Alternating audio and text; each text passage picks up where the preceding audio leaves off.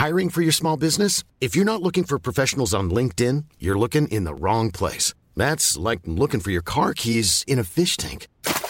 LinkedIn helps you hire professionals you can't find anywhere else, even those who aren't actively searching for a new job but might be open to the perfect role. In a given month, over 70% of LinkedIn users don't even visit other leading job sites. So start looking in the right place. With LinkedIn, you can hire professionals like a professional. Post your free job on linkedin.com slash people today.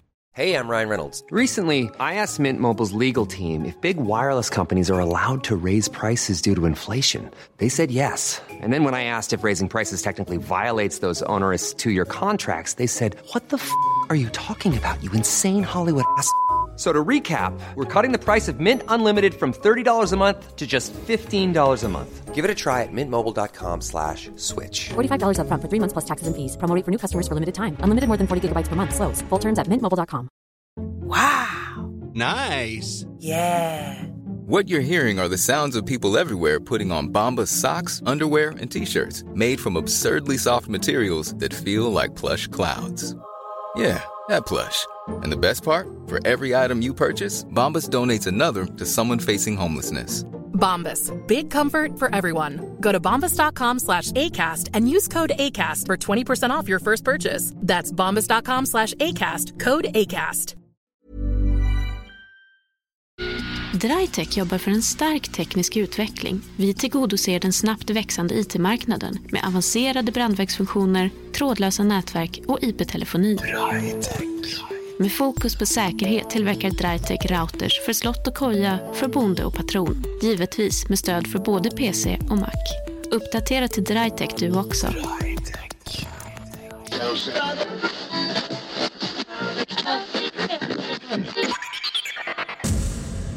Hej och hjärtligt välkomna till ännu ett avsnitt av Macradion. Varmt och nyserverat av mig Peter Esse och Gabriel Malmqvist. Hej Gabriel! Hej allihopa! Vi hade ju en Spotify-tävling förra veckan och eh, den var väldigt populär. Vi aldrig fått så många kommentarer och, och, och bra förslag på hur vi kan förbättra programmet. Och eh, denna veckan har vi tyvärr ingen tävling men vi förväntar oss lika många kommentarer för det. Eh, vi får väl se hur det går med det. En av de saker som vi har hört redan innan, och, och men även tog upp denna gången från flera, var att eh, vi vill ha en liten historisk tillbakagång över Apple och det som har med företaget att göra. Och eh, vi tänkte väl börja med en liten följetong här idag, nu faktiskt. Så varsågod Gabriel. Tack så mycket Peter. Ja, eh, vi tänkte prata lite grann om eh, Mac MacOS 10 historia, vårt eh, älskade operativsystem. Um, men för att prata om MacOS 10 så måste man faktiskt gå rätt så långt bak i tiden. Till uh, tiden faktiskt innan Macen ens fanns till. Vi ska tillbaks till år 1983.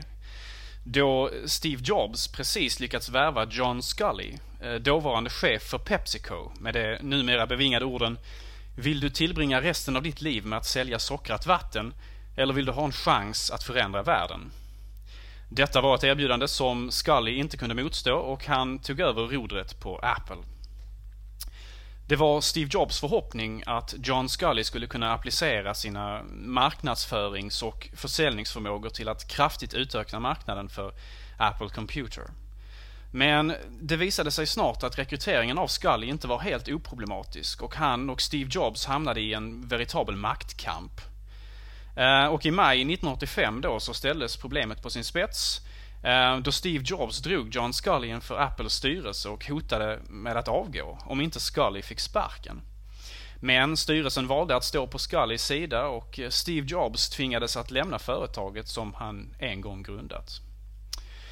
Detta kastade Steve Jobs in i en mycket mörk period av depressioner och misströstande. Men han hämtade sig ganska snart och lyckades rekrytera en liten grupp väldigt begåvade individer som han lärt känna under utvecklingen av den ursprungliga Macintosh-datorn.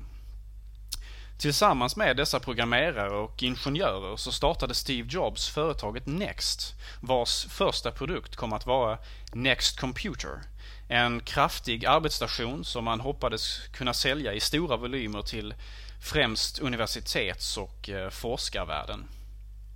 Men för att kunna utnyttja kraften i hårdvaran så behövdes det mjukvara. Och man började genast arbeta på ett nästa generations operativsystem som man döpte till Next Step. Det som kom att skilja Next Step från sina närmsta konkurrenter, både gamla klassiska Mac OS och Windows, var att Nextstep var ett så kallat objektorienterat operativsystem som tillät programutvecklare att mycket snabbt och relativt enkelt framställa sin mjukvara. Eh, Nextstep var även utvecklat för att tillåta flera program att arbeta samtidigt, så kallad multitasking, och innehöll ett för sin tid mycket raffinerat och eh, innovativt användargränssnitt. Men tiden var inte på Nexts sida och eh, både Macen och PC-klonerna hade hunnit koppla ett strypgrepp på datormarknaden. Next tvingades således sluta tillverka egna datorer och valde att istället satsa helhjärtat på sitt fortfarande väldigt innovativa och konkurrenskraftiga operativsystem. Detta portades till flera plattformar inklusive Intels 486-processorer och diverse riskbaserade PowerPC-processorer. Förhoppningen var att företaget skulle kunna överleva som en mjukvaruproducent då hårdvarubranschen inte längre hade plats för fler aktörer. Men även mjukvarubranschen hade börjat konsolidera sig till ett fåtal stora aktörer och tiden började rinna ut även för Next Step. Vilken cliffhanger! Eh, och eh, vad den historien visar är ju att överlägsen hårdvara ihop med överlägsen mjukvara inte alltid leder till en överlägsen marknadsandel. Vilka var vad var det som gjorde att man inte lyckades? Vad hade man eh, emot sig på marknaden vid, här, vid den här tidpunkten? Ja, alltså de främsta konkurrenterna eh, var ju kanske då Macen och Windows. Men även naturligtvis andra Unix-varianter. Eh, och andra tillverkare, tillverkare eh, Sun, Microsystems och så vidare. Eh, det som problemet för Nextstep var väl egentligen det att även fast de hade en väldigt eh, eh, mjukvara framförallt och hårdvaran var också bra. Så det fanns redan etablerade aktörer som var så pass stora att, att, att liksom tillfället eller fönstret för att, att kunna agera och vinna för, för Next Step var mycket begränsad och, och, och det, det, det, det, tog väldigt snabbt slut, tyvärr. Det är ju det är olyckligt därför att Steve Jobs hade liksom en, en vision om, om, om de här datorerna som, som hade varit väldigt intressant att se förverkligad. Uh, men uh, det är, det, det, är så det är. Alltså, ibland vinner inte den bästa idén trots att den kanske förtjänar att göra det. Helt enkelt därför att eh, de etablerade, marknad, de etablerade produkterna redan är så pass dominanta. Det finns ju de som menar exempelvis att PowerPC-tekniken eh, är överlägsen eh, X86-tekniken som finns i dagens Intel-processorer. Att det, att det är ett, ett renare och bättre ehm, eh, hårdvaru vad ska man säga, standard eller att det, det, att det är bättre hårdvarumässigt egentligen. Men eh, eftersom all, alla marknadskrafter verkar till Intels fördel och i X86-standarden trots att den kanske är äldre och, och i, i grund och botten kanske delvis sämre så har den så mycket resurser bakom sig vid det här laget att den, den kommer alltid att vinna ändå, även prestandamässigt, trots att den kanske inte har en lika elegant arkitektur som PowerPC-arkitekturen hade. Eh, men så här i efterhand så kan man ju se det som att eh, det är tur att eh, mannen har eh, gjort en del misstag och ja, nu hamnat i en sån situation så han kan lära sig av dem. Men en sak som är ganska intressant. Jag sitter här och kollar på Wikipedia och jag får fram ännu en kub Nextcube. Eh, en hårdvara som uppenbarligen då inte gick så bra men eh, den är helt fantastiskt häftig för sin tid. Och Apple hade ju sin kub. Det gick inte så bra med den heller. Den där Apple-kuben som är nu är ju New Yorks eh, mastodont Apple Store på Fifth Avenue. Den går väl desto bättre dock. Har vi... Eh, har du några snabba snabba likheter utöver dem mellan eh, de båda företagen.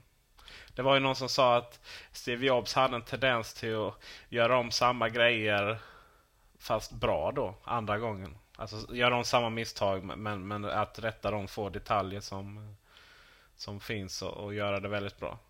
Var... Eh, Frågan är väl egentligen, finns det mer exempel på likheter mellan Next och Apple?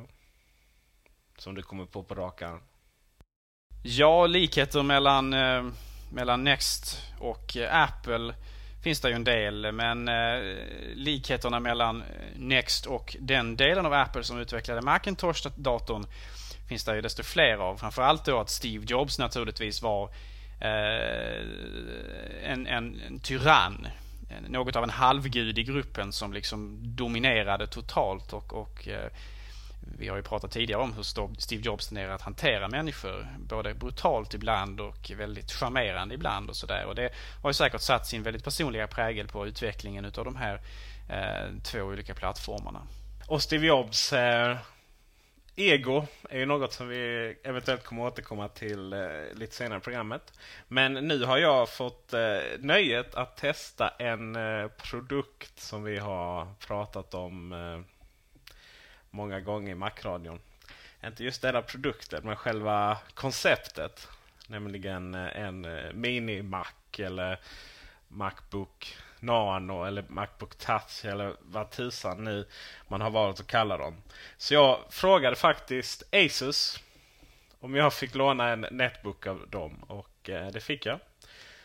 Eh, de skickade en eh, Asus i 900 man kan nästan kalla det lite originalet av de här små lätta bärbara datorerna. Och eh, jag vill väl veta om det här var någonting att ha. Är, är, är det användbart? Är det, är det värt att man köper det och, och kan man få ha, ha det kan man ha någon nytta med det och så vidare. Och eh, ja, svaret är väl ja. Det är faktiskt, jag kan tänka mig många tillfällen då, då en eh, liten, liten bärbar dator skulle komma till eh, väl pass. Den är nämligen väldigt liten och smidig att ha med sig. Den väger knappt någonting. Givetvis, nu ska man ju komma ihåg att det är en, det är en PC med Windows. Den är plastig och den är liksom känslan som, som vi har våra datorer. Det, det har den ju såklart inte. Men, men, det är ändå, den är ändå väldigt oerhört väldigt liten, smidig att ha med sig. Den har förvånansvärt bra skärm. Den var eh, extremt eh, positivt överraskad blev jag där. Jag trodde faktiskt att man skulle nästan komma tillbaka till slutet av 90-talet när man knappt kunde vända på skärmen. Eller vända, ja men man knappt kunde böja på skärmen utan att eh, liksom, bilden försvann. Och eh, en annan sak som förvånade mig väldigt mycket det var att nätadapter var den minsta PC-nätadapter jag någonsin har sett. De brukar ju vara ungefär lika stora som våra bärbara datorer där. Men eh, den var faktiskt lit, riktigt liten och smidig. Inte alls som till exempel Xboxen där nätadaptern är själva större än Xboxen nästan. Där får man väl utgå ifrån att det har att göra med att datorn drar betydligt mindre ström än en vanlig bärbar dator. Som från PC-sidan och således så behöver man mindre adaptrar som klarar eh, som har mindre kapacitet helt enkelt. Det kan man tänka sig. Och där kommer det in på en annan negativ grej då. Det är att batteritiden eh, ska visst vara rätt dålig. Jag provade inte den jättemycket utan batteri. Men eh, det var... Jag märkte nog att det här är ingenting som klarar en hel tågresa upp till Stockholm från Malmö direkt. Och, Eh, två timmar var det väl vad den ska klara. Nu, nu var det som sagt en 900 jag provade och det finns nyare och bättre. Eh, bland annat ska de släppa en ny modell nu med mastodont lång batteritid. Och, eh, så det finns ju att välja mellan. Absolut. Eh, det som den här datorn nästan bäst skulle passa till det är så här DVD-spelare till ungarna i bilen. Eller ja, mina framtida ungar eventuellt då. Eh, det kändes nästan perfekt. Jag menar, den, den, är, den är billigare än sån här bärbara DVD-spelare som är helt... Eh, som är jättefula och värdelösa liksom. Uh, och den här kan verkligen eh, med eh, gott samvete dubbelarbeta som en enkel DVD-spelare för, för rimlig peng. Den kostar 2290 kronor hos Dustin är att vi ska skicka en faktura till Dustin för det. Um, och vad är det negativa då? Mm, till en början med var den omöjlig att använda. den här lilla detaljen då. Nej, men det, det gick liksom inte att skriva på tangentbordet. Uh, det, gick, det är knappt att använda tangentbordet. För små knappar helt enkelt. Och där har vi då skärmen med Apples eh, tagning på de där lite mindre bärbara datorerna. Att man har ju faktiskt, som då exempelvis Macbook Air, att man har ju valt att forma datorn kring ett fullstort tangentbord för att inte göra de här kompromisserna som leder till problem med händerna, problem med att faktiskt skriva på, på, på datorerna och använda dem i realiteten. Så att där, där har vi ju liksom visar vi lite Apples styrka där också, att man är inte villiga att kompromissa på de fullstora tangentborden. Utan om du tittar på tangentbordet på en Macbook Air så är det lika stort som det är på Macbook och Macbook Pro. Um, och um, även fast den datorn inte är lika liten som den du nu beskriver så, så har du trots allt mer användning av den om du faktiskt kan skriva på tangentbordet. Så är det. Nu, nu ska man eh, till datorns försvar säga att um, efter lite eh, att vänja, man vande sig rätt snabbt med tangentbordet. Man, man, jag kunde inte absolut inte lära mig att skriva så snabbt som, som man bör göra eller som jag kan göra på ett fullstort tangentbord eller min Macbook Air. Men, men jag val, valde mig ganska snabbt. Och eh, jag tror har man det som huvuddator.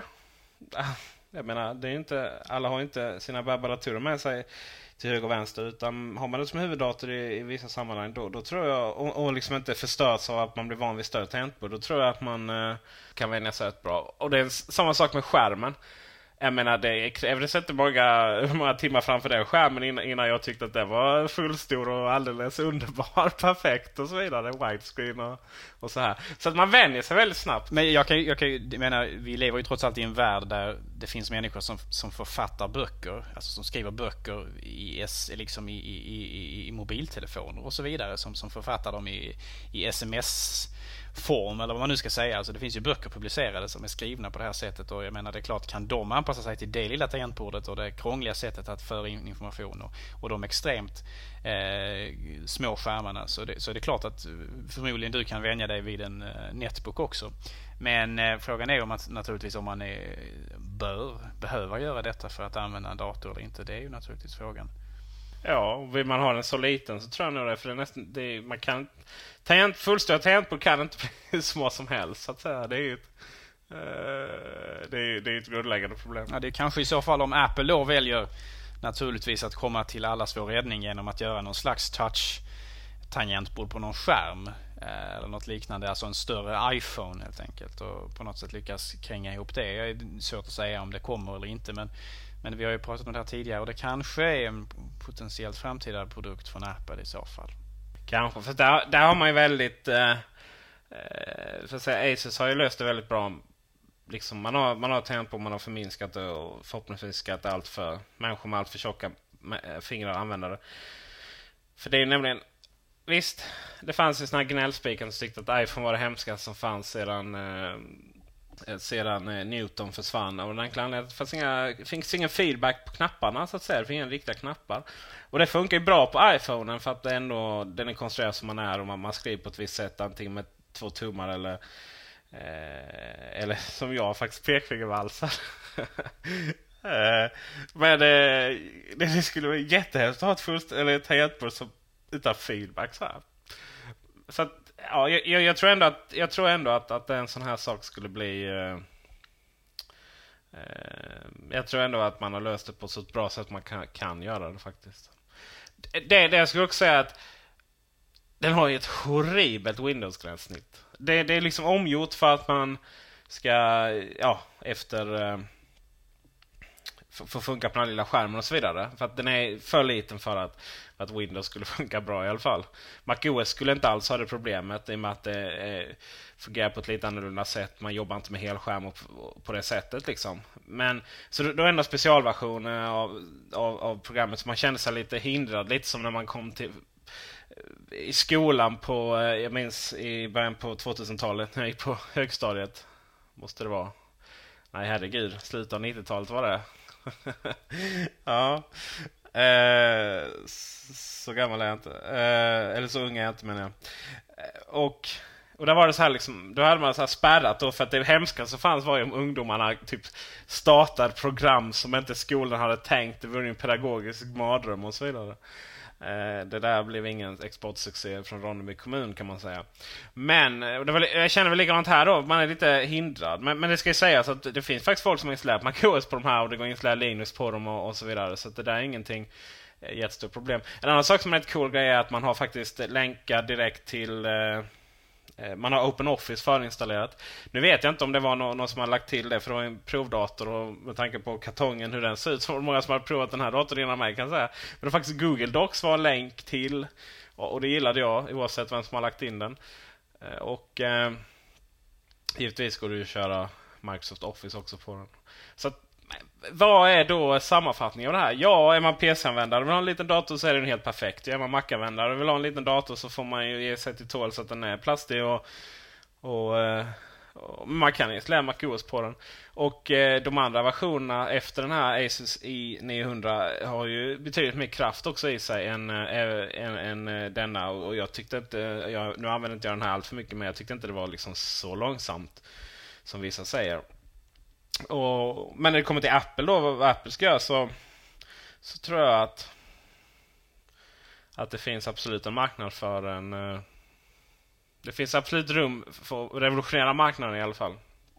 Och får man tro Telia, gamla Televerket, detta allsmäktiga företag, så kommer iPhone 3G och de här netbookarna bli årets julklapp. Och det, iPhone tror jag väl på, men eh, innan Netbook blir årets julklapp så ska nog Apple ha sitt att säga.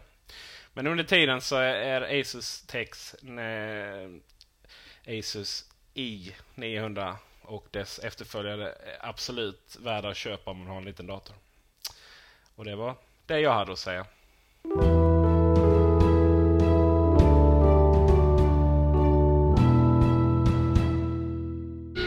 Drytech jobbar för en stark teknisk utveckling. Vi tillgodoser den snabbt växande IT-marknaden med avancerade brandvägsfunktioner, trådlösa nätverk och IP-telefoni.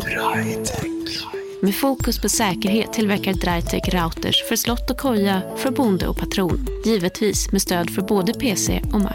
Uppdatera till Drytech du också. En av de många saker som har hänt den senaste veckan är ryktet om att Sony BMG överväger att erbjuda sin musik DRM-fritt på iTunes Store. Och min första reaktion till det var, jaha, gör de inte det redan? Jag hade någonstans glömt bort hela DRM-diskussionen. Jaha, alltså att det finns fortfarande företag som är så otroligt korkade. Anledningen att Sony BMG överhuvudtaget har DRM-musik på iTunes Store är inte någon rädsla för piratkopiering längre. Utan, eh, för det, man erbjuder nämligen sin musik på Amazon. Utan det är ju bara ett politiskt statement för att visa iTunes, eller förlåt, för att visa Apple vem som bestämmer. Och det är ju helt puckat. Och det leder ju bara till att man säljer mindre musik. Det, det är alltså ett sätt att försöka få Apple att eh, inte vara lika dominant på den eh, onlineförsäljningen av musik längre. De är ju trots allt eh, etta eh, och eh, ohotade på den eh, platsen. Men det försöker då inte bara Sony BMG utan flera andra stora musikleverantörer också att på något sätt eh, förhindra eller att de försöker förändra detta så att det inte, inte längre är så. Man försöker alltså skapa mer konkurrens ibland online-återförsäljarna. Men det är konst, det är verkligen oerhört intressant hur, hur man... Musikindustrin har verkligen alltid handlat om att jag vet inte. Samtidigt som man kämpar för att Ipred och andra, vi får väl gå igenom vad det handlar om i något avsnitt, andra konstiga lagförslag, integritetskränkande, så det ryker om det. Mom deserves the best, and there's no better place to shop for Mother's Day than Whole Foods Market. They're your destination for unbeatable savings, from premium gifts to show-stopping flowers and irresistible desserts. Start by saving 33% with Prime on all body care and candles. Then get a 15-stem bunch of tulips for just $9.99 each with Prime. Round out Mom's menu with festive rosé, irresistible berry chantilly cake, and more special treats. Come celebrate Mother's Day at Whole Foods Market. Here's a cool fact a crocodile can't stick out its tongue. Another cool fact you can get short term health insurance for a month or just under a year in some states. United Healthcare short term insurance plans are designed for people who are between jobs, coming off their parents' plan, or turning a side hustle into a full time gig. Underwritten by Golden Rule Insurance Company, they offer flexible, budget friendly coverage with access to a nationwide network of doctors and hospitals. Get more cool facts about United Healthcare short term plans at uh1.com. Hiring for your small business? If you're not looking for professionals on LinkedIn, you're looking in the wrong place. That's like looking for your car keys in a fish tank. LinkedIn helps you hire professionals you can't find anywhere else, even those who aren't actively searching for a new job but might be open to the perfect role. In a given month, over 70% of LinkedIn users don't even visit other leading job sites. So start looking in the right place. With LinkedIn, you can hire professionals like a professional. Post your free job on linkedin.com slash people today. Many of us have those stubborn pounds that seem impossible to lose, no matter how good we eat or how hard we work out. My solution is PlushCare. PlushCare is a leading telehealth provider with doctors who are there for you day and night to partner with you in your weight loss journey. They can prescribe FDA-approved weight loss medications like Wagovi and Zepbound for those who qualify. Plus, they accept most insurance plans. To get started, visit plushcare.com slash weight loss. That's plushcare.com slash weight loss.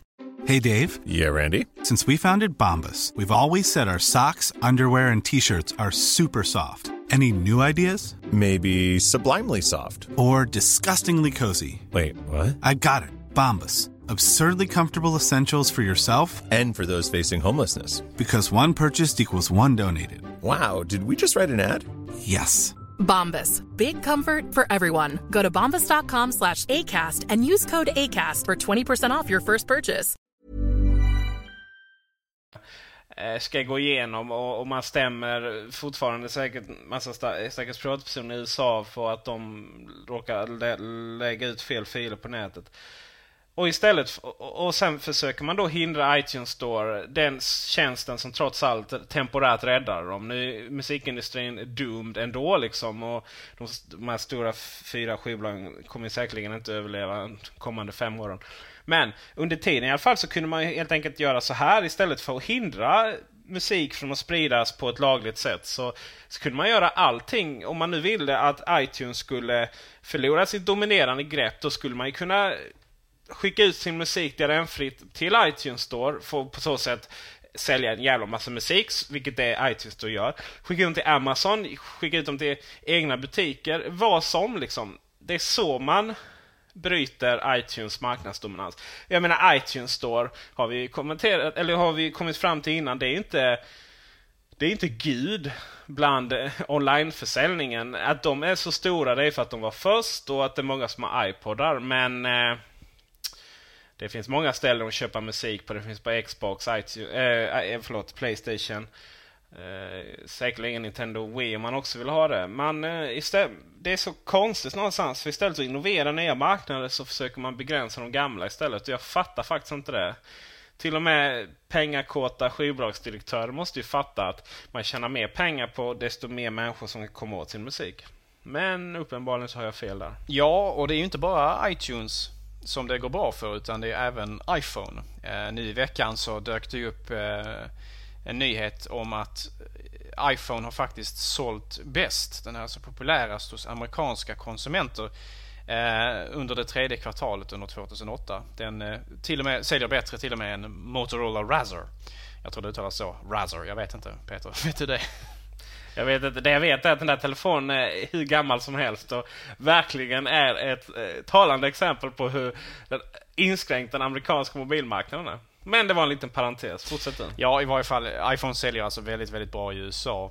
Eh, men eh, i USA så är ju inte kanske andra företag som exempelvis Nokia och sådär lika dominerande som de kanske är i Europa och sådär. Men eh, det går i varje fall väldigt bra för iPhone 3G i USA och det är ju glädjande att höra. Steve Ballmer, uh, våra Microsoft-referenser måste vi ha med minst en gång varje program. Steve Ballmer sa väl så sent som förra året att uh, iPhone aldrig kommer få några betydande marknadsandelar. Och, uh, det, var det är så härligt någonstans. på något sätt så, så känner jag visst lite sympati för honom för han måste på något sätt ändå säga så eftersom det trots allt är en stor konkurrent. Men men, men han kommer ju verkligen att eh, gå till historien som en av de som var kanske sämst på att förutspå hur det ska gå för Apple och deras produkter. Eh, men som sagt, eh, jag tyckte när jag såg den här intervjun som du pratar om då att han såg tagen ut eller lite skärrad ut av de här iPhone-nyheterna för det var ju då precis iPhone lanserades. jag tror att han faktiskt insåg redan då vilket vilken bomb iPhone faktiskt var och vilket problem detta skulle innebära för Microsoft och deras mobila version av Windows. Eh, men att han på något sätt ändå var tvungen att hålla god min och, och spela ner eh, förväntningarna eh, och att nedvärdera Apple då, eller deras produkt. Men en annan sak som har hänt i veckan angående iPhone är ju det att AT&T Eh, den amerikanska eh, teleleverantören som har iPhone-exklusivitet de har beslutat att tillåta så kallad tethering, någonting som Peter har pratat om tidigare avsnitt. Eh, det är alltså en funktion som man tillåter telefonen att ladda ner data över internet till datorn så att man kan surfa trådlöst via telefonen. Och det är en välkommen nyhet Peter, tycker du inte? Ja, verkligen. Nu har jag gått och skaffat det här 3G-modemet som jag ändå rekommenderar andra att göra. Just att man betalar 40 kronor extra för ett simkort hos Telia och sen så har man ett litet USB-dongel. Men eh, någonstans så är det väldigt omackigt att ha en USB-dongel hängandes från, från den. Eh, och eh, man, man, kan ju se det här från två synvinklar. Då, va? Eh, nummer ett är ju att gud vad Apple och iPhone är amerikaniserade. Det märks verkligen att det förut kom från USA. Där mobiloperatörerna och, och mobilnäten är hopplöst efter. Vilket är ganska intressant då. Det är ändå liksom USA jämte delar av Asien står ju trots allt för liksom teknikevolutionerna här i, här i världen. Och eh, det är någonstans, det är helt enkelt att 3G-näten i USA klarar inte att man använder så mycket data och, och därmed så Eh, tillät inte AT&T att göra det. Eh, nu, kom, nu var det väl någon som lite syrligt kommenterade att det här är ingenting som kommer bli gratis. Antagligen. Och man får ju se om, om deras lösningar kommer kunna appliceras här i Sverige. Det, det är inte alls självklart. Eh, en annan sak är ju det att Apple gör ju ofta så att man gör en sak och man gör det väldigt bra. Och man eh, tar gärna synergieffekter mellan olika produkter och så vidare. Och eh, min lilla eh, lekmananalys skulle ju då säga att om det här blir verklighet, att man kan enkelt eh, surfa på datorn via sin iPhone. Då kommer vi aldrig se några inbyggda 3G-modem i mackarna. Även om det är ett rykte som också kommer nu i veckan, väldigt lösryckt, att det skulle komma nya... Att det skulle vara en funktion i eh, någon gång efter nyår. Och, och där, där, får man väl säga att dels skjuter väl lite det här med AT&T och iPhone det i sank. Men en annan sak är ju det att, jaha, man inför nya Macbookar med buller och bång. En design som säkerligen kommer vara med oss i många år i framtiden. Uh, ja, så går det ett, ett, par månader så, så får man köpa nya datorer igen för att det liksom är inbyggt 3G-modem i dem. Så kommer det givetvis inte vara. Nej, jag är väldigt skeptisk till det ryktet också. Jag, jag tror inte att eh, Apple kommer att eh, bygga in en massa ehm, eh, liksom tillbehör i datorn som du säger med, med 3G-kapaciteter. För då, då blandar man helt plötsligt in eh, 3G-leverantörerna i, i datorförsäljningen också. Jag tror Apple är, är tillräckligt missnöjda med det faktumet att man måste ha att göra med AT&T i USA och Telia här i Sverige vad gäller att sälja iPhone. Jag tror inte att man vill blanda in dessa ytterligare vad gäller att sälja datorer också. Hade Apple fått som de velat så är jag helt säker på att man hade skippat alla de här mobilleverantörerna och på något sätt försökt köra ett eget race med en egen teknik. Men den tekniken som, skulle kunna möjliggöra iPhone utan en, en, en, en, en traditionell telefonleverantör eh, finns ju ännu inte. Alltså den är ju inte, ännu inte på plats. Men vad framtiden har att visa där, det, det, det, det får vi ju se. Det är spännande det där att se hur det, det kommer att utvecklas. En, eh, en sak om eh, iPhone och operatörer. Eh, tidigt i morse kom faktiskt ett eh, härligt pressmeddelande till min eh, mailbox direkt från Telia där jag fick reda på att jag var en av de få exklusiva bloggare och och eh, journalister som fick ett press, detta pressmeddelande.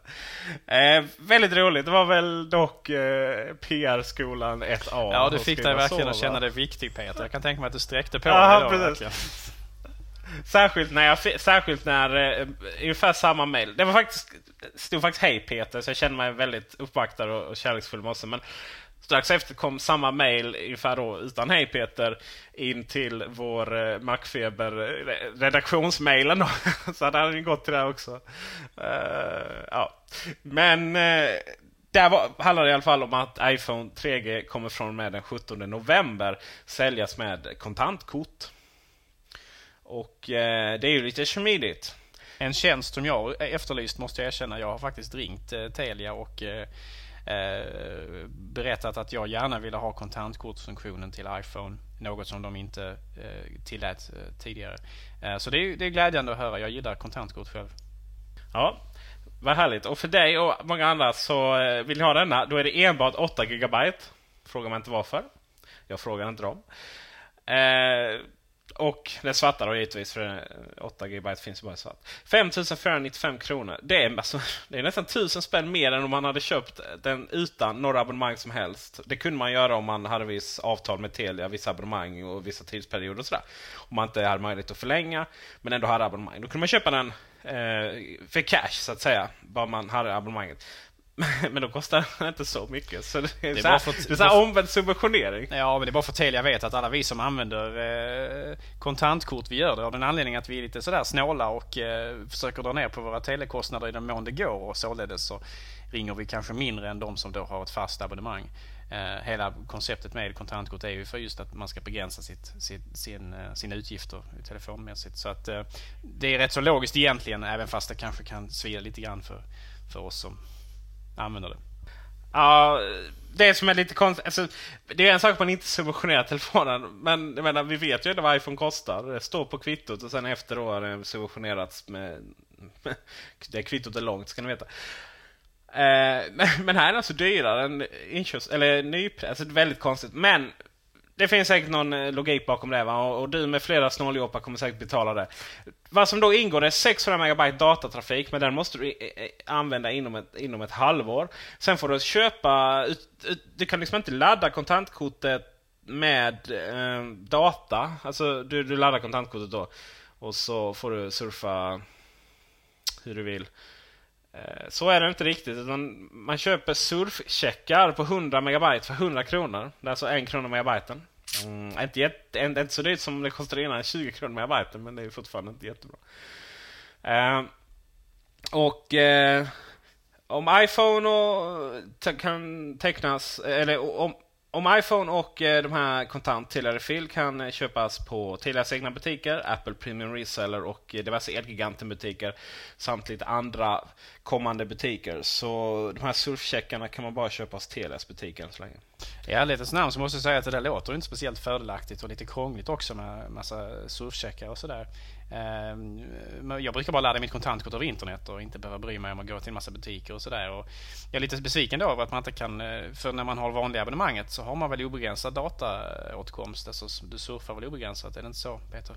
Nej, men däremot kan man köpa till uh, att det kostar 199 kronor i månaden. ja, precis. Det... Ja, det var det jag tänkte. Att man har för en ringa avgift kan använda datorn eller mobiltelefonen i princip obegränsat vad gäller just surfning. Och det, det tycker jag, det borde de ju haft på kontantkortet också kan jag tycka. Men ja, okej. Okay. Mm, nu, eh, nu är jag faktiskt inne och kollar uh, på Telias hemsida här och jag kan nog fel. Jag kan tänka mig att de här surfcheckarna är om man vill öka på det här, det här kommer vi säkert få återkomma till, men de här surfcheckarna är kanske om man vill öka på eh, datatrafiken för en krona megabyten. För att i de här kontantkorten så finns det faktiskt datatrafik och då finns det de här maxavgift per dygn, maxavgift per dygn för datatrafik där man bara använder webbläsaren och så vidare. Uh, mm, inte helt självklart. Jag tror, vi, jag tror vad vi lär oss av det här är att om du ska köpa en iPhone, du Gabriel och, och våra lyssnare då, eller ni, våra kära lyssnare. Då gäller det nog att man frågar exakt vad som gäller vid alla tillfällen. Eh, för det verkar inte vara helt solklart här. Och eh, vad jag vet är däremot att eh, jag fick faktiskt ett tips från en, en återförsäljare. Om man vill aktivera iPhone 3, om, förlåt, man vill aktivera Turbo 3G och surfa med. Då måste man själv aktivera det genom att skicka in eh, ett sms till, eh, Eh, till Telia. Och likaså få aktivera de här 600 megabyte som ingår när man, när man tecknar sitt eh, kontantkort. Då måste man också skicka in ett sms. Så att det, eh, ja, det vi lär oss ikväll är att man bör läsa det finstilta just i detta fallet. Och det finstilta kan ju också speglas i andra Apple-nyheter som vi kan prata om idag. I förra avsnittet så pratade vi lite grann om att Mark Papermaster hade gått över från IBM till Apple. Och det finstilta i hans kontrakt sa det att eh, han inte fick lov att gå över till en konkurrent inom ett år från det att han slutade på IBM. Vilket han ju nu gjorde och eh, IBM drog ju Apple, eller snarare Mark Papermaster, inför domstol eh, i Kalifornien och i New York. Och eh, nu har det då kommit eh, så långt så att eh, en domare i New York eh, faktiskt har beordrat Papermaster att han inte får lov att arbeta åt Apple, eh, tjänstgöra hos Apple innan dess att den här eh, rättegången eller förhandlingarna har varit så att säga. Så innan de har fått rätsida på huruvida han faktiskt är begränsat av det här den här klausulen i, i hans kontrakt eller inte. Och så har vi också idag fått ta del av en ganska så intressant, ska man säga, analys eller eh, en spekulation ifrån Robert X. Kringley. Cringley Kringley är Eh, en, en, en journalist som, som, som har gjort sig ganska känd som eh, en, en en något kontroversiell men intressant författare där, som ofta spekulerar ganska mycket kring Apple och deras förehavanden. Och, Peter, du har läst den här artikeln. Kan du sammanfatta för våra lyssnare vad, du, vad den innehåller? Ja, det kan man ju sammanfatta ganska enkelt med att säga att eh, Steve Jobs ego har varit i farten och helt enkelt kickat Tony Fadell. Ja, precis. Alltså den här eh, artikeln då, eller den här spekulationen, så menar alltså Cringely på att eh, Steve Jobs skulle ha sparkat Fadell eh, för att han på något sätt skulle ha framställts som iPodens riktiga fader, precis som vi sa i förra avsnittet. Och att Steve Jobs kanske på något sätt då vill framställas som iPodens riktiga fader egentligen. Men också därför att han ville anställa Mark Papermaster. Och han behövde en plats i sin inre cirkel för Mark Papermaster. Eh, som inte hade att göra med CPU eller, eller eh, bladservrar som han faktiskt sysslar med på IBM. Alltså eh, han, Apple behövde, eller Steve Jobs behövde alltså en ursäkt för att sätta honom på någonting som var viktigt och nog för, för att vara trovärdigt men samtidigt som inte hade någonting att göra med någon verksamhet som IBM sysslade med. Det här är alltså Robert X. Cringleys teorier. Vi, vi får väl se om Ja, vi kanske aldrig får reda på om det stämmer eller inte men det är en ganska intressant teori även fast den är något spekulativ och, och eh, eh Cringely eh, har gjort sig ett namn, alltså har gjort sig berömd för att vara eh, rätt så kontroversiell. Så man får ta det man läser i den här artikeln med en nypa salt. Men vi lägger upp, lägger upp länken till den på markradion.se så att ni kan alla få läsa och ta del av det vad som står där i och eh, använda ert kritiska tänkande. Ja, och mitt kritiska tänkande säger att det här tror jag inte på för en sekund. Inte ens all logik säger att så här fungerar det liksom inte. Men eh, ja, vem vet. Vi eh, avslutar snabbt med att gå över på veckans rekommendationer. Och eh, i mitt fall så har jag en annan sak som jag har testat för iLove den här gången. Det är eh, TV på macken. Det är alltid lika aktuellt.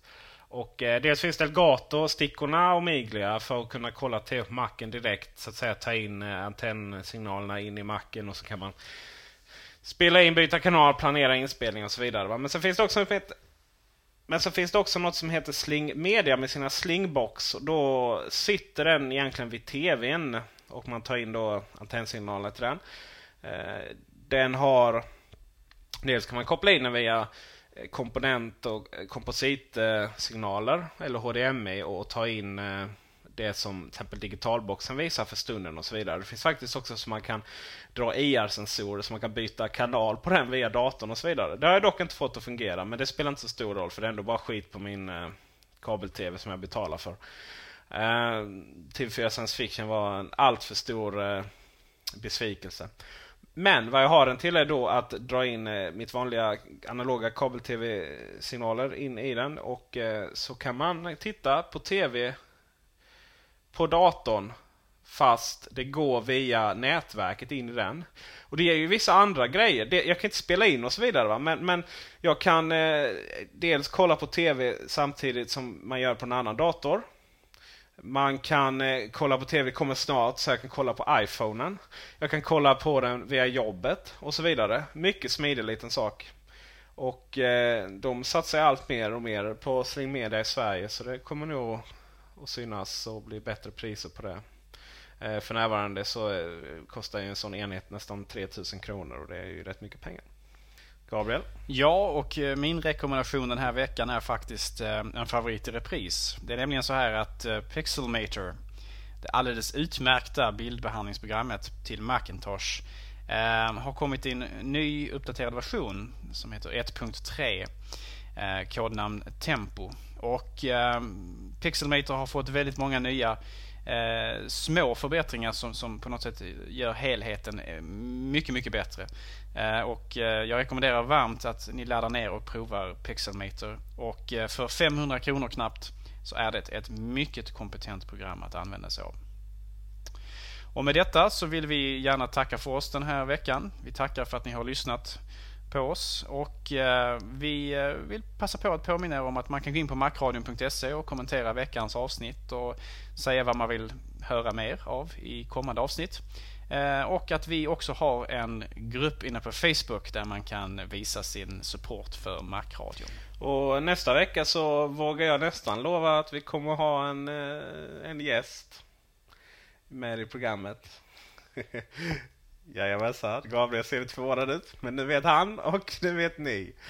Ha en eh, fantastiskt trevlig vecka och så hörs vi nästa. Hej då! Can you see her smiling now? Does it make you feel?